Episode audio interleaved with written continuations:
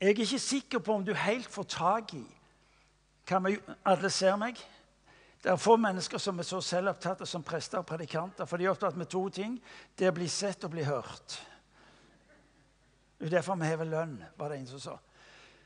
Eh, men når du og meg ser dåp, så tenker vi OK Det kunne for så vidt vært finere, det dåpskaret der. Og det er jeg jo enig med deg i.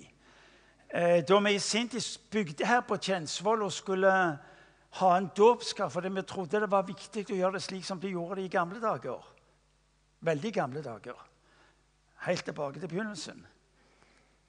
Ja, grunnen til at de nå døyper de med overøsing i kirka, det var jo fordi at uh, det var kirken i Norge var jo så kalde at uh, ungene ble jo alvorlig syke når de skulle ha full neddykking. så Derfor så ble det overøsing. Det er ikke mengden på vann som er det avgjørende her.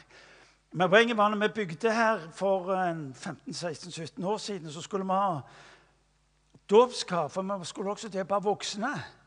Og så, og så fant vi hvor i all verden finner vi dåpskar? Så tenkte jeg du, de lager jo sånne fiskekummer oppå Mørekysten. Så jeg tenkte det måtte jo være tingen. Så det vi da gjorde, det var at eh, en i stab ringte til fiske, sånn en kummeprodusent i Nordmøre og sa du, hva, hva koster sånn en tank? Nei, sånn det, Hva skal det brukes? Det skal brukes til dåpskar. Dåpskar? Ja, så skal vi pynte den så godt vi kan. Så jeg, men, ja, det er greit, sånn. Du skal få den for halv pris. Hvis jeg får bilde av den første dere døyper, så så det ble en god deal. Men du, hvor, hvorfor i all verden døyper vi? Eh, hva er det dåp representerer? Hva, hva, er det Gud ønsker å si til oss gjennom dåp? Som er av en sånn betydning at på den første prekenen som blir holdt etter Jesu oppstandelse, så sier Peter, vet du hva? La dere døypes til navnet til Jesus Kristus. Det er noe i kirka som er så viktig og så alvorlig at det starter fra dag én. Og her er poenget. Det som skjer nemlig i dåpen, det er det som man i Gamle testamentet finner en parallell til med omskjærelsen av alle guttebarn som skulle skje på den åttende dagen. Hvor Gud sier det er et pakts tegn. Hvem i all verden er du og meg som tror at vi kan innlede en pakt med allmaktens Gud med de forutsetninger du og meg har? Hvem i all verden er med? Om ikke det da måtte være en type galskap eller ekstrem form for naivitet. Og så kjenner vi historien.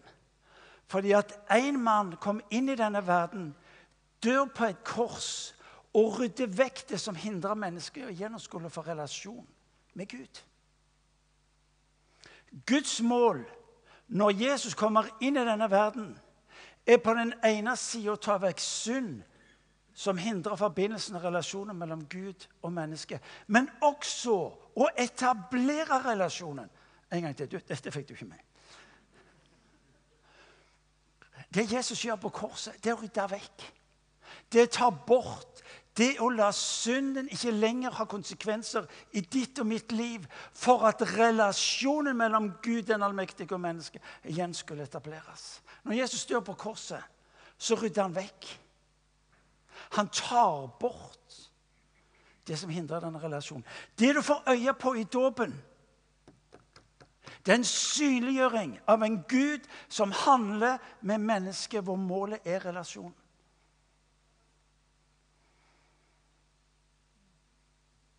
Det er noe langt mer enn en bekjennelseshandling. Ja, det er det òg. Men hør, folkens. Vi, vi, må ikke forflate eller redusere eller utydeliggjøre hva som skjer i dåpen. For dåp Dåp er relasjon. Når du og meg strever med å skulle holde på plass det som skjer på korset Når du og meg skal prøve å holde sammen vår egen tro, og så opplever vi til tider at det går greit, og andre tider så går det ikke så greit. Andre tider så opplever vi at vi er på høyden, andre ganger så er vi på bånn. Og troen vår den har denne fryktelige seilasen av at er det rett med meg, lever godt med Gud. og så, Hvordan går det med meg til slutt? Og så sier Gud, hør nå. Kan du ikke ta det litt rolig? Og så må du få tak i to ting. At når jeg dør på korset, så har jeg sørga for å rydde vekk det som hindrer relasjonen. Og når du blir døpt i mitt navn, så skal du vite at det ikke er snakk om din bekjennelseshandling, men det er snakk om min erklæring over ditt og mitt liv. Så når du sliter med å få livet til å gå i hop, la meg være dønn ærlig. Martin Cave har det til tider. Hvor jeg tenker søren, og livet mitt skulle vært annerledes. Det var så mye skulle, og så videre. Får jeg lov til å se på dåpen, så tenker jeg her handler Gud. Når du og meg spør ja, var omvendelsen min god nok? Var jeg ærlig nok? Var det ikke noe jeg burde ha gjort mer av? Så sier han, kan du ikke slutte med det der? Døpt til Jesus Kristus. Det betyr å døpes inn i en pakt, inn i en relasjon, som gjør at når du og meg tviler med å få tingene til å gå ihop, skal du og meg få lov til å se Far, jeg vet ikke hvordan jeg får til disse tingene. Jeg vet ikke om jeg holder nivå eller hva, alt det der. Så vil han si, hør hva var det jeg gjorde i dåpen? Koble mitt frelsesverk til ditt liv. Slutt å være så opptatt med om du holder mål. Jeg holder mål. Jeg visste jo hva jeg gjorde når du ble døpt. Og La det være sagt en gang for alle jeg har aldri angra. Enten du ble døpt som barn og senere ga blaffen i det og klarte å rote deg vekk. Eller du gjør det som Omid og Marianne. Det var så nydelig å se dere. Fantastisk. Ja. Kjenner bare hvordan himmelen vibrerer. For om Jesus dør på korset, folkens, og det ikke har konsekvenser i en relasjon, så dør han forgjeves. Det er alvoret. Jesus har tilveiebrakt det fullkomne frelsesverk. Men hvis ikke Gud får lov til å ta seg inn i relasjonen med seg gjennom det som skjer på korset, så dør han forgjeves. Så for, jeg har sagt, både for Guds skyld og for din skyld, ikke reduser dåpen til noe som handler om deg. Men la det bli noe som handler om Han.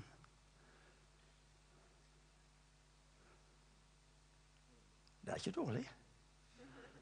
Vet du hva? Da kan dere ha frimodighet. Det andre du må få tak i Vi, vi holder på i Imi kirke for tida med, med, med trosheltene i Det gamle testamentet. Og, og det, som, det, som, kjennetegner de, det er jo at det var vanlige mennesker. Du og vi kan ha et behov for en hang til å gjøre det til sånn superstars.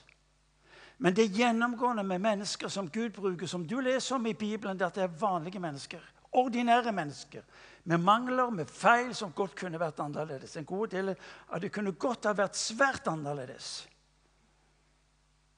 Men Gud tar ikke utgangspunktet i såkalt fortreffelighet eller det som skulle ha vært optimalt med hensyn til kvalitet. Han tar utgangspunkt i mennesker som vil gå med ham. Og Det som kjennetegner disse menneskene, som vi ser at Gud bruker eh, gjennom historien, det er mennesker som har våget å la Gud få lov til å være Gud i livet. Det er egentlig veldig godt sagt. For vi har gjort kristen tro og kristen etterfølgelse til så komplisert og krevende at det er blitt et regnestykke som mange av oss strever med å få til å gå opp. Hva vil det si å være en kristen? La Gud få lov til å ha Gud i livet ditt. Punktum. Hvordan det ser ut? Ja, Det blir litt forskjellig for hver av oss. Men det er der det starter. I dåpen som et lite barn eller som voksen der jeg får lov til å bekjenne meg til troen på Jesus Kristus. Dåp sier tre ting. For det første så sier dåp at dåp er et nådens sted. Gud møter deg som du er, ikke som du burde være. Dåp er et sted hvor Gud erklærer all sin velsignelse på ditt liv. Dåpen er et utgangspunkt hvor du skal få lov til å vite altså jeg, jeg klarer ikke alltid å holde tingene i hop, men det er ikke så farlig. Han gjør. Du visste alt om meg før du meg kalte, sang vi den gamle vekkelsessangen. Dåp er et nådens sted. Ikke gjør det til et sted om du klarer å holde nivået. Om du er god nok, eller Det andre det er det at det er et sted hvor du får lov til å komme hjem.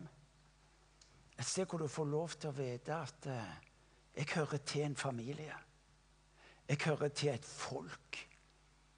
Jeg har en vandring foran meg som skal ta meg hjem til himmelen. Jeg har fått en ny bosted, var det en som sa. Ikke lenger. Og så var det gatenavn og byen og Norge. Nei, nå er det himmelen. Fordi at Han siterer Feserbrevet, hvor det står i kapittel 1 at vi er satt med Han i himmelen. Så vi har delt boligadresse. Du som bekjenner troen. Det tredje dåpen sier noe om, som du må få tak i. Dåpen sier også noe om menneskets fortapthet.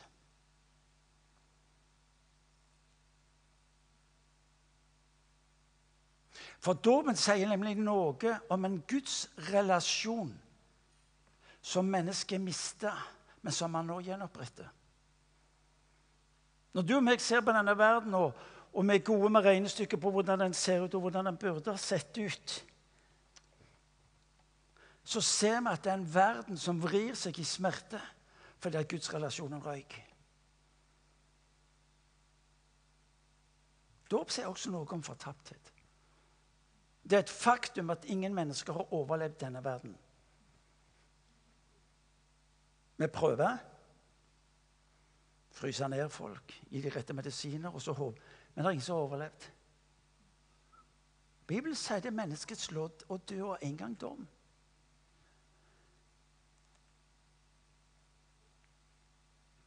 Hvis du i tvil, bare se deg rundt og oppdag en verden som vrir seg i smerte. Pessimistisk? Nei. Det er ikke min legning å være pessimistisk. Bare spør de som er rundt meg.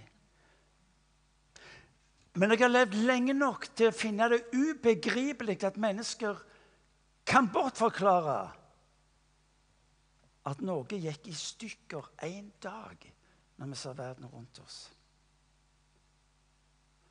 Og jeg skulle ønske det skal bare litt senere, jeg skulle ønske de hadde våget å stått opp og fulgt etter. Hvorfor kirke? Jo, nettopp for å synliggjøre den relasjonen en gang til. For å synliggjøre denne relasjonen, at Gud har steget ned. For at mennesket ikke lenger skulle definere seg ut forbi i det håpløse for tiden og evigheten. For en plass! Gud rekker mennesket.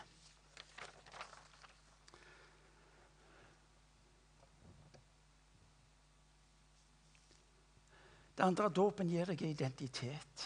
Dåpen forteller deg hvem jeg tilhører.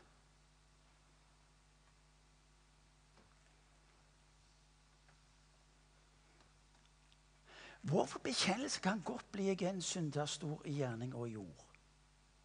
Men det er interessant at det navnet som Jesus ber oss om å tygge på lenge nok, mange nok ganger, til det sitter, det er at jeg Jeg er din bror. Jeg er den førstefødte. Gud den allmektige sier, 'Jeg er deres far'.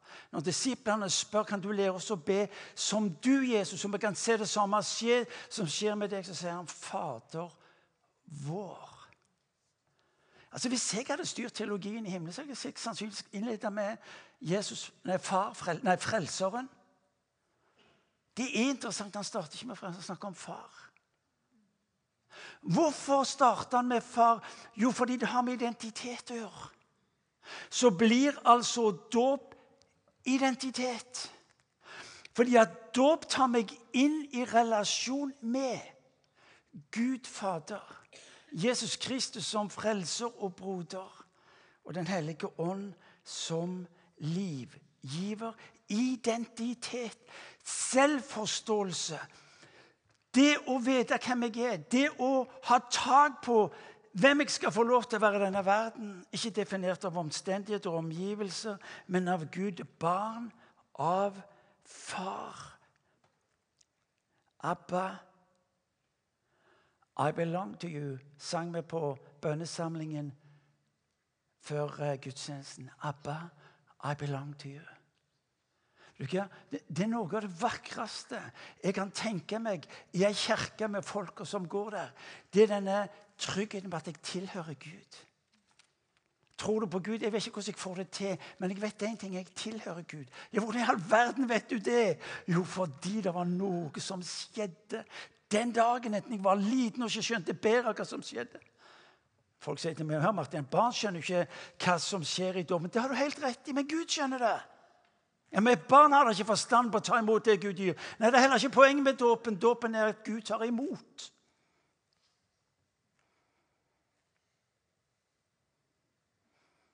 Er dere med meg? Er det kalt for nåde? Kjære Gud, altså. La oss ikke surre til det Gud har gjort enkelt.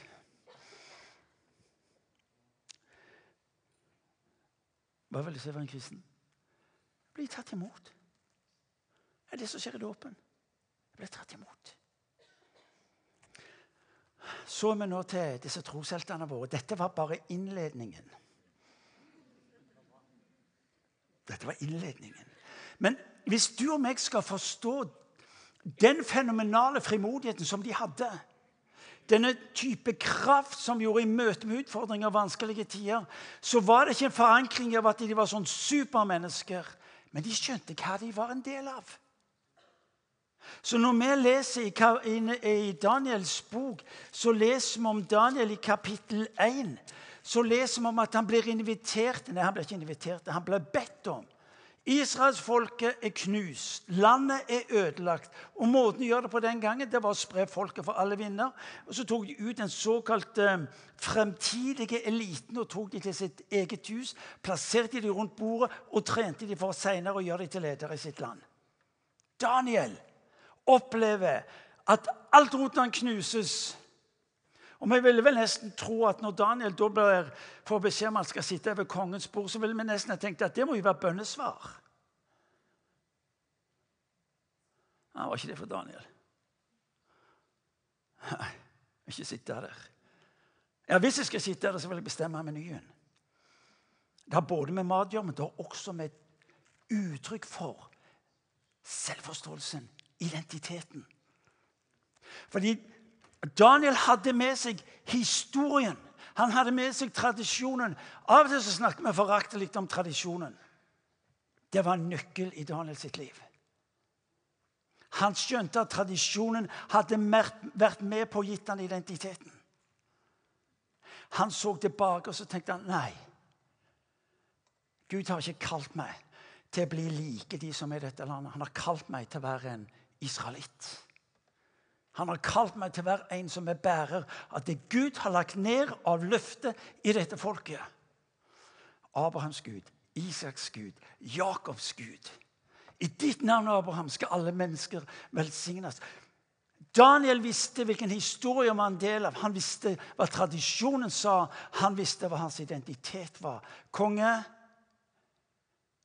jeg hører hva du vil, men kan ikke heller få gjøre noe annet. Det er det Daniel sier. Kirka har blitt kjent for nå snakker jeg om kirka på generelt grunnlag, har blitt kjent for det den er imot. Daniel sier kan ikke heller få gjøre noe annet. Tenk om vi som kirke kunne bli kjent for at det var ikke folk som var imot, men de var opptatt med løsning. Vi er, vi er svake for løsningsorienterte mennesker i denne verden. Ja.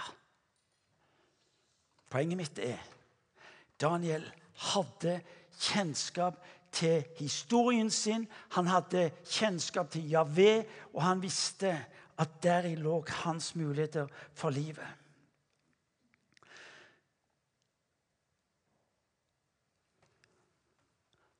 Daniel er i fangenskap. Og vi skulle tro han var bekymra istedenfor å møte med en ung mann. Han er ca. 17 år.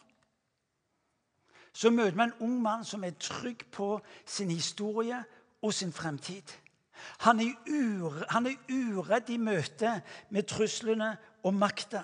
Husker For noen år tilbake jeg reiste i Øst-Europa, og så møtte jeg en del folk fra Undergrunns kirke. Og Jeg spurte hvordan er det med dere, sier Hvordan klarer dere kampen? Og så sa de Gud er med oss. Vi kommer til å, være, vi kommer til å vinne. Vi skal gå fram. Og jeg tenkte litt mer realisme. Og så sier jeg, ja, men Det er jo vanskelig for dere. Folk blir jo satt i fengsel.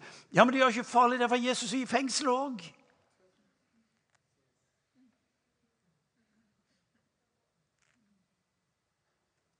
Den søndagen jeg reiser, kommer plutselig to av de på flyplassen så sier de, 'Broder, vi vil du skal vite at i dag ble gudstjenesten vår ødelagt, for militiaen kom inn og arresterte mange av lederne våre.'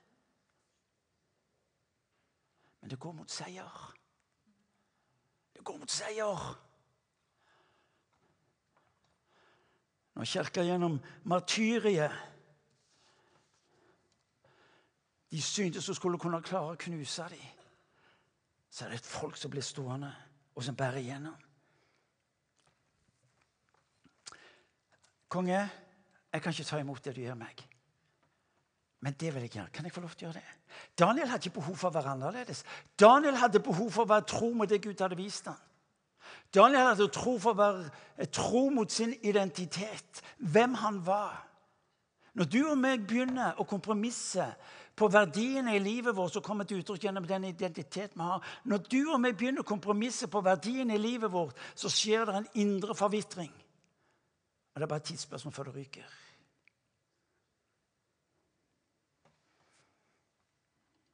Daniel var annerledes i kraft av å være sønn, datter av Gud. Daniel valgte ikke å være annerledes. Han var det i kraft av, som du og meg er det i kraft av, at allmaktens Gud, enten ved dåpen eller ved bekjennelsen i voksen alder, har tatt bolig i ditt i mitt liv. Det er klart vi er annerledes. Kom an, folkens.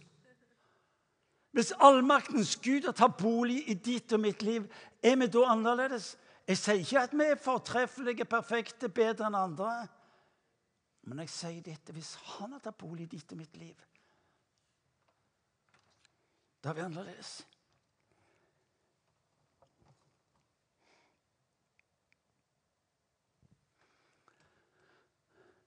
Dagens tema er fra kapittel 4 til kapittel 8. Jeg skal berøre det litt, så får vi se hvor langt vi kommer. Dere er gysla stille, forresten. Går det greit? Ja. Dere som ikke nikker, er litt usikker på. Det som alltid fascinerte meg med Daniel, det var, det var hvilen hans. Det var dette at han ikke lot seg definere eller skremme eller presse inn i situasjoner til ting han ikke hadde eh, eh fortrolighet på. Du leser i kapittel 3, og så må dere være med meg litt når jeg siterer utover det at eh, når, når, når eh, når Daniels venner, som du leser om i kapittel 3, blir trua med utslettelse fordi de ikke vil tilbe Nebukadneser som Gud, dvs. Si at de skal avsverge seg troen. Det er ikke noe som, provoserer en verden hvis du nekter å være med på det de mener er sannhet. Det står om Nebukadneser Det står at eh, han ble rasende. Nebukadneser ble rasende midt i det voldsomme alvoret. Hør hva de sier, disse tre guttene. Tenåringene. De, dealen er klar. Slutt å tilbe den Jehova eller Javé som du nå tror på. Tro bare på meg. Hvis ikke, så dør dere. Ganske grufullt. Dere kastes ned i en ildovn, og det vil jeg tro er ganske smertefullt. Og så sier de vi behøver ikke å svare på dette. Dette sier de altså til en av de største tyrannene i datidens kjente store land. Vi behøver ikke svare dem på dette. Om den Gud som vi dyrker, kan berge oss ut fra ovnen med lammende ild og fra din hånd, konge, så vil han berge oss. Og om han ikke gjør det, skal du vite, konge, at vi likevel ikke vil dyrke din Gud og ikke tilbe gullstatuen som du har reist. Samme hva du gjør. Tilber ikke deg. Tilber ikke din Gud. Vi tilber vår Gud. Og enten jeg lever Hører du ordet fra Nytestamentet? Og enten jeg lever eller jeg dør, så hører jeg Herren til. Du, det, det er det du hører fra guttungene.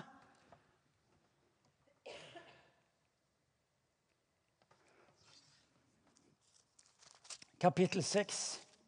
Det ble litt sånn fram og tilbake, men det er jo hyggelig, det òg. Nebukaneser har blitt redd. Det skjer ting som han ikke forstår. Det kommer skrift på veggen, og han begynner å bli redd. Og Det slo meg litt når jeg leste dette, at vi, bor i en verden som er redd. For det skjer så mange ting, det er så mye foran som er usikkert. Og så er det en verden som er redd. Og så søker denne verden svar. Det jeg har lurt på, Hvorfor i all verden kommer den ikke til kirka? Har du tenkt på det? Når, når kongen vi leser om her, blir redd, hva gjør han da? Da går han til Daniel. Han skal ikke blande kirke, religion og eh, politikk. Ja, hvorfor ikke? Har du tenkt på det? Jeg vil ikke, vi, vil, vi ikke styre. Det er noen som har forsøkt på. Det vil vi ikke gjøre. Men hvorfor skal ikke vi få lov til å som har tilgang til åpenbaringen gjennom det profetiske. Ja, Hvorfor i all verden skulle ikke politikerne vite at du, vi må Her er det noen som har greie på et eller annet.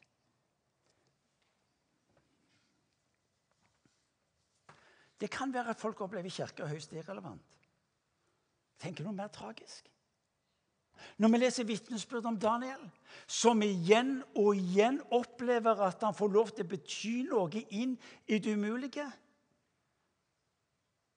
Fordi han henter ned fra Guds himmel, fra det usynlige, inn i det synlige.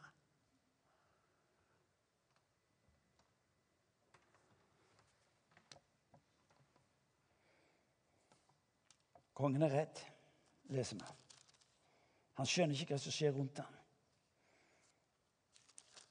Så prøver han å få tingene til å gå i hop, og så ender han opp med så ender han opp med å kaste Daniel i løvehula. Han ender opp med å kaste Daniel i løvehula. Hvis du og meg tror at fordi at vi en gang kunne få lov til å bety, få bety noe inn i et samfunn, at det gir en sånn type blankofullmakt videre, og langt ifra. Denne verden tror ikke på religiøse hendelser eller opplevelser, men den tror på et liv. Og det var det Daniel fikk lov til å leve ut og demonstrere for omgivelsene. Så lyder det på Daniel um, han hadde en usedvanlig ånd, står det. Er samme ånd som du og vi får tak i, Den hellige ånd. Det står noe i eh, begynnelsen så står det noe om at eh, kongen fant dem ti ganger visere enn alle drømmetydere og åndemanner i hele riket. Samme visdom som han har gitt deg og meg.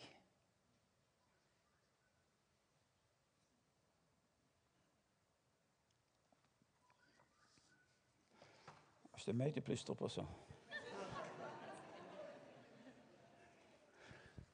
Daniel visste hvem han var. Relasjonen, tryggheten, hvilen.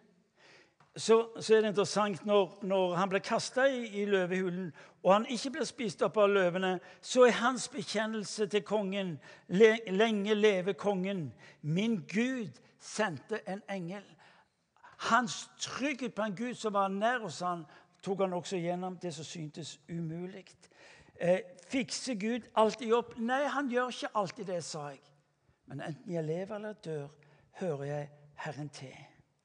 Han hadde en identitet som var nøkkelen i hans liv til å bli stående i møte med utfordringene, men også hente inn Guds svar på det som var utfordringene.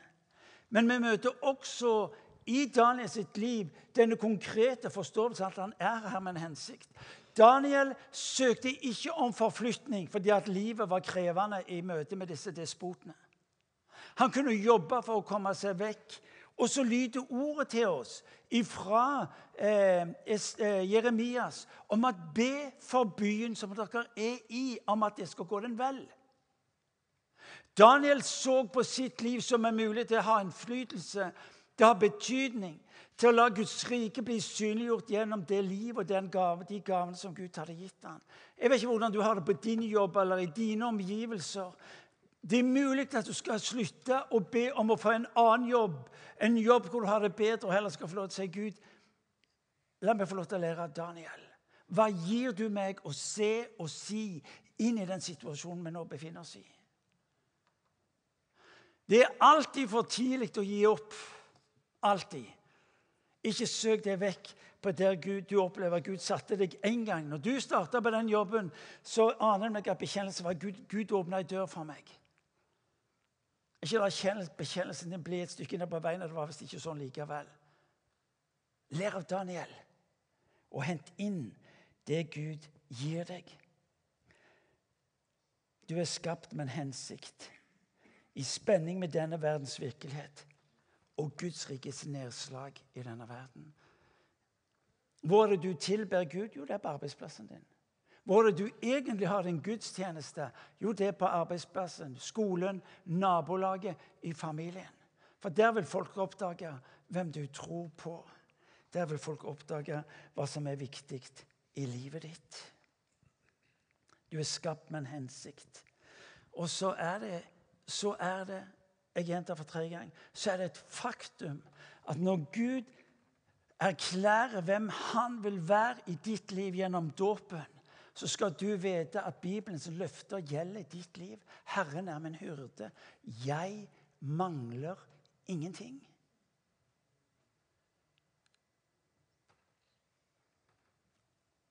Vi leser i kapittel 1 om hvordan Gud ga dem favør, ga dem visdom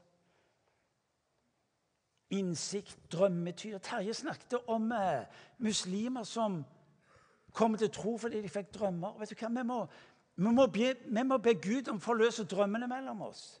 Ikke drømmen om å oppnå et eller annet. Det òg. Men det er ikke så viktig. Det var En som sa det sånn Dream big. Og jeg sier dream God heller. Det er godt sagt. Men den har jeg tatt et annet sted fra. så ja. Gud, hjelp meg til å forstå. Hjelp oss til å løse ut sa noe om det sist gang. Åpenbaring på drømmer. Vi leser òg hvordan vitnesbyrdet om når Daniel henter ned Guds rikes krefter på sitt liv og omgivelsene, så fører det til vitne... Hør nå. Når Daniel blir berga fra løvehula, og kongen ser at han lever Det står noe festlig om kongen. Det står at eh, Deretter gikk kongen Han hadde sendt Eh, Daniel i løvehula. Og dette mislikte han, for han, han, var blitt glad i Daniel. Og så står det at da gikk, deretter gikk kongen til slottet sitt og fastet hele natten. Ja, det gjør jeg òg.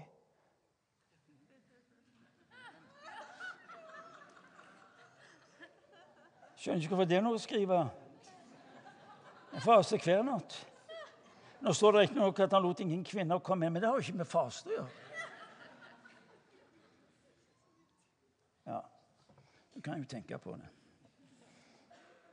Men denne kongen, når han møter vitnesbyrdet og Guds inngripen, så lyder det fra denne kongen. Hermed gir jeg påbud om at overalt i mitt kongerike, så, mitt, så langt mitt velde nå, skal folket frykte og skjelve for Daniels Gud. Og hør nå, For han er den levende Gud. Han blir til evig tid. Hans kongerike går ikke til grunne. Hans velde er uten ende. Han berger og redder. Han gjør tegn og under i himmelen og på jorden. Han berget Daniel fra løvens klør. Det var noen vers lenger framme hvor kravet til Daniel var slutt å tro på den guden din. Du skal tro på meg og min Gud. Og så er vitnesbyrdet Og så er vitnesbyrdet om Guds nedslag ved et menneske som vågte å gå med Gud. Det som overbeviser kongen. Og så kommer forordningen. Det er denne Gud dere skal tro på. Vi har hørt det mange ganger. Mennesker ønsker å tro. De vet bare ikke hvem de skal tro på. Men når vitnesbyrdet lyder, vil de omvende seg og følge Han. La meg si en ting til, bare sånn helt på slutten. for det, det står om, om Daniel i, i, kapittel 5, så står det i vers um,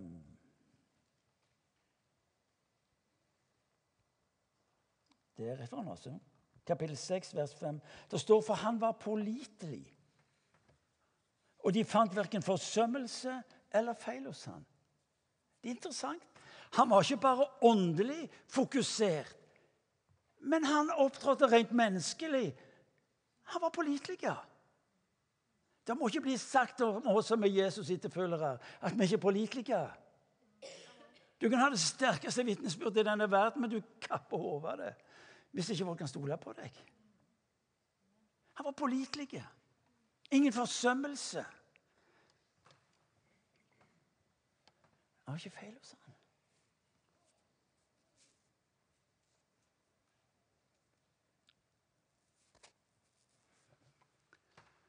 Han ble trua, leser vi. Leser om dette i kapittel eh,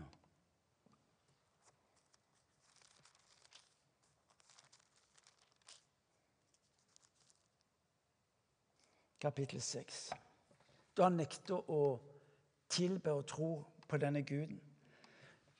Så leser vi om at Daniel demonstrerer for oss, viser hva som er nøkkelen i livet hans. Du leser om det i kapittel 6, og så leser du i, fra vers 11.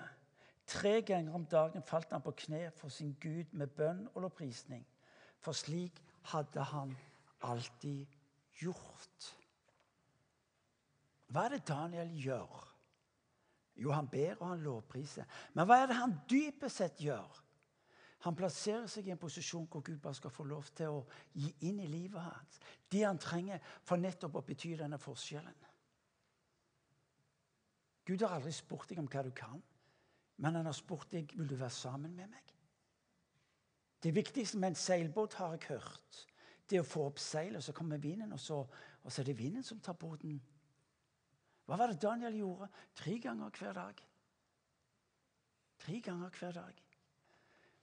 Vet du hva? Når du og meg våger å definere og tilpasse livet vårt etter de punktene Og det er jo så enkelt. I dag med sånn smartklokker eller hva det kalles for, eller mobiler Det er bare sånn og jeg har tre ganger til dagen. OK, pip. Ja, nå. Fem minutter. Kan bare gå på do. Bedre lovpriser. Går det noen timer Pip! OK. Og klokken blir for pip. Der kommer han igjen. Fem minutter! Eller så har gyselig mye å gjøre. Ta ti minutter. Luther sa det slik at han ba minst én time hver morgen. Hadde han mye å gjøre, så tok han tre timer. Så jeg mener sånn Hva var det som var nøkkelen i Daniel sitt liv? det var Hver dag så åpna han vinduet mot Jerusalem. Som en påminnelse om hvem han trodde på, hvem han tilhørte, og hvilke løfter som hvilte over livet hans. Og så henta han dette ned og inn i den verden som han var en del av.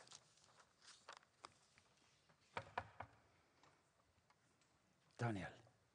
Han visste hvem han var. Han var oppmerksom på sin identitet. Deri ligger tryggheten til å våge vandringen med Gud. Og så skjønte han at han var her med en hensikt til å bety en forskjell i mennesker. Inn i det umulige. For han allikevel bety den radikale forandring. La oss reise oss, så skal vi få lov til å be.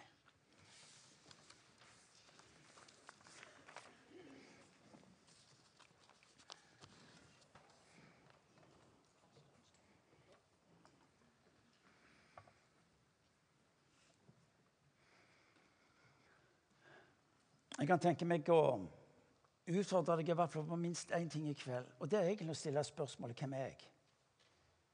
Hvem er jeg egentlig? Hvis jeg definerer ut ifra hva jeg kjenner i mitt eget liv, så har jeg én definisjon. Hvis jeg ser på hva omgivelsene vil si om meg, så har du en andre definisjon. Eller du kan velge å si med utgangspunkt i det du vet Gud har gjort i livet ditt. Jeg er en sønn, jeg er en datter. Hvem er du?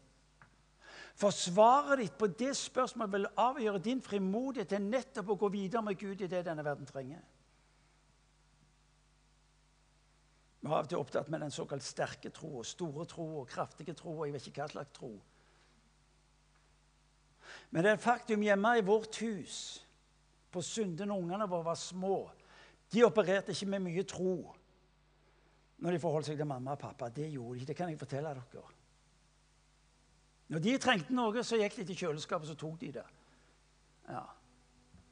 Og når de trengte penger, så var det sånn 'Pappa, kan jeg få litt penger av deg?' Det var ikke mye tro der.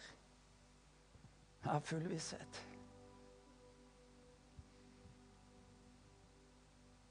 Pappa, jeg får 500 kroner. Jeg. Ah, mye penger, det der. Kom an, pappa.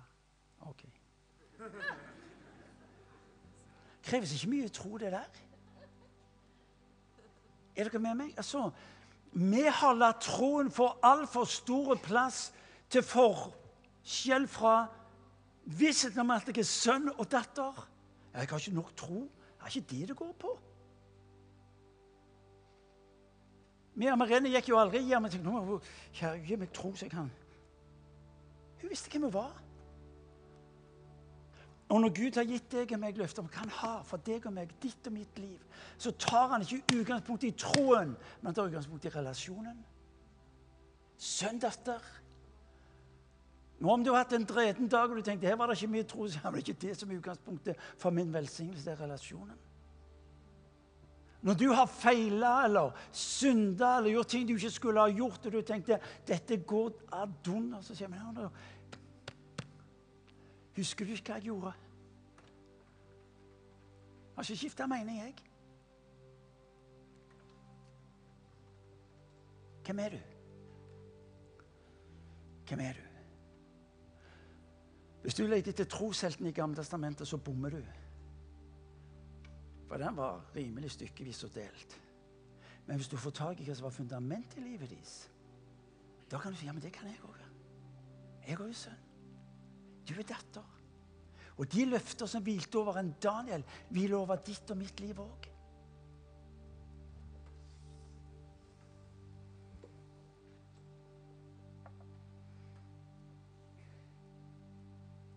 Hvem er du? Sønn? Tilgitt synder. Ja, det er du òg. Men din identitet er jo ikke den tilgitte synderen. Men det er dette du skal få lov til å være barn av den høyeste Gud. Som sier at ingenting kan skille deg fra min kjærlighet. Ingenting. Hva du måtte gjøre med den pakten som jeg innleder med deg i dåpen, så skal du vite én ting. Jeg forandrer han ikke. Jeg forandrer han ikke. Tenk på alle de som forlot kirke og bedehus fordi de trodde at nå var det ferdig. Og så visste de ikke at Gud sitter ved bordet fremdeles og sier, 'Vet du hva? Kom an.' Og kanskje er du der. Jo, jeg vet hvem jeg er.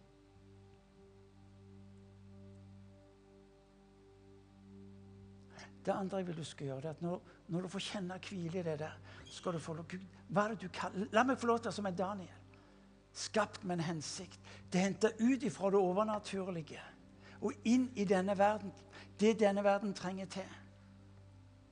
Godhet, raushet, men også i det profetiske, i det overnaturlige.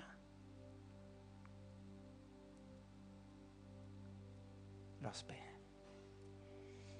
Herre Hellige Ånd, takk fordi du er mellom oss.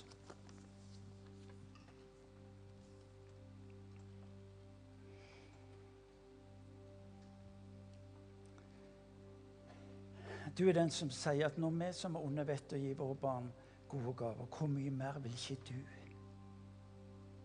Hvor mye mer vil ikke du?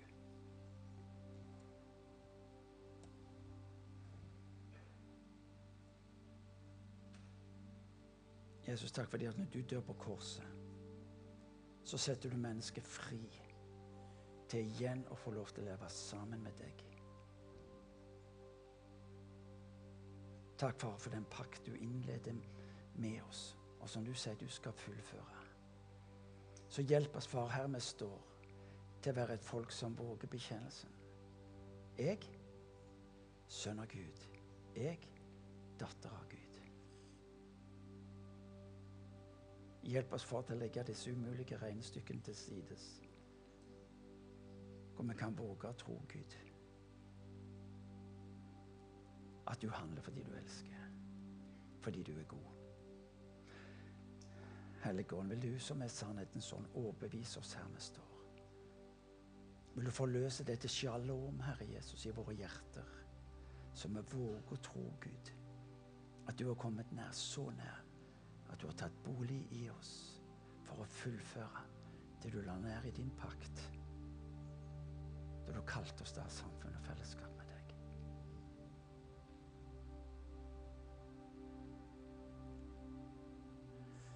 Far, vi tror denne verden egentlig er redd. Vi tror denne verden egentlig er bekymra. Vi ser en verden som vrir seg i smerte. Herre Helligånd, la oss få lov til å være et folk som gir inn i denne verden. Som vi ler av Daniel. Søke ditt ansikt, hente ut ifra det usynlige. Slik at mennesker i det synlige kan bli berørt. Enten det er konger og mennesker som er i ledelse, eller det er vanlige mennesker rundt oss som kollegaer, medstudenter, familie, naboer. Hellige Ånd, jeg bare du skal forløse denne ånd som var i og over Daniel, hans venner Sadrak, Mesak og Abednego. Far, vi ber om det. Vi erkjenner, Herre Jesus, med all tydelighet vi er ikke i stand til å berøre denne verden. Men Herre, med deg er alt mulig. Så kom, Hellige Ånd. Kom, Hellige Ånd, til den enkelte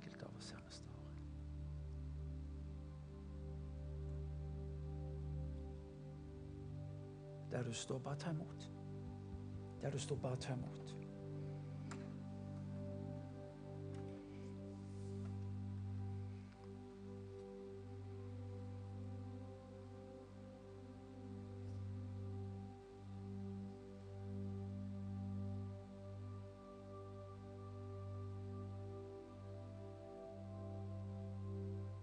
Takk, Helligånd, fordi at du åpenbarer dine sannheter for oss. Du viser oss veier å gå. Men nå ber jeg for at du også skal gi oss øyne å se. Mot på å tale ut, mot på å berøre. På en slik en måte at mennesker erfarer deg, og deres bekjennelse blir at du, Gud, er den eneste sanne Gud. For det er vår bønn. Amen.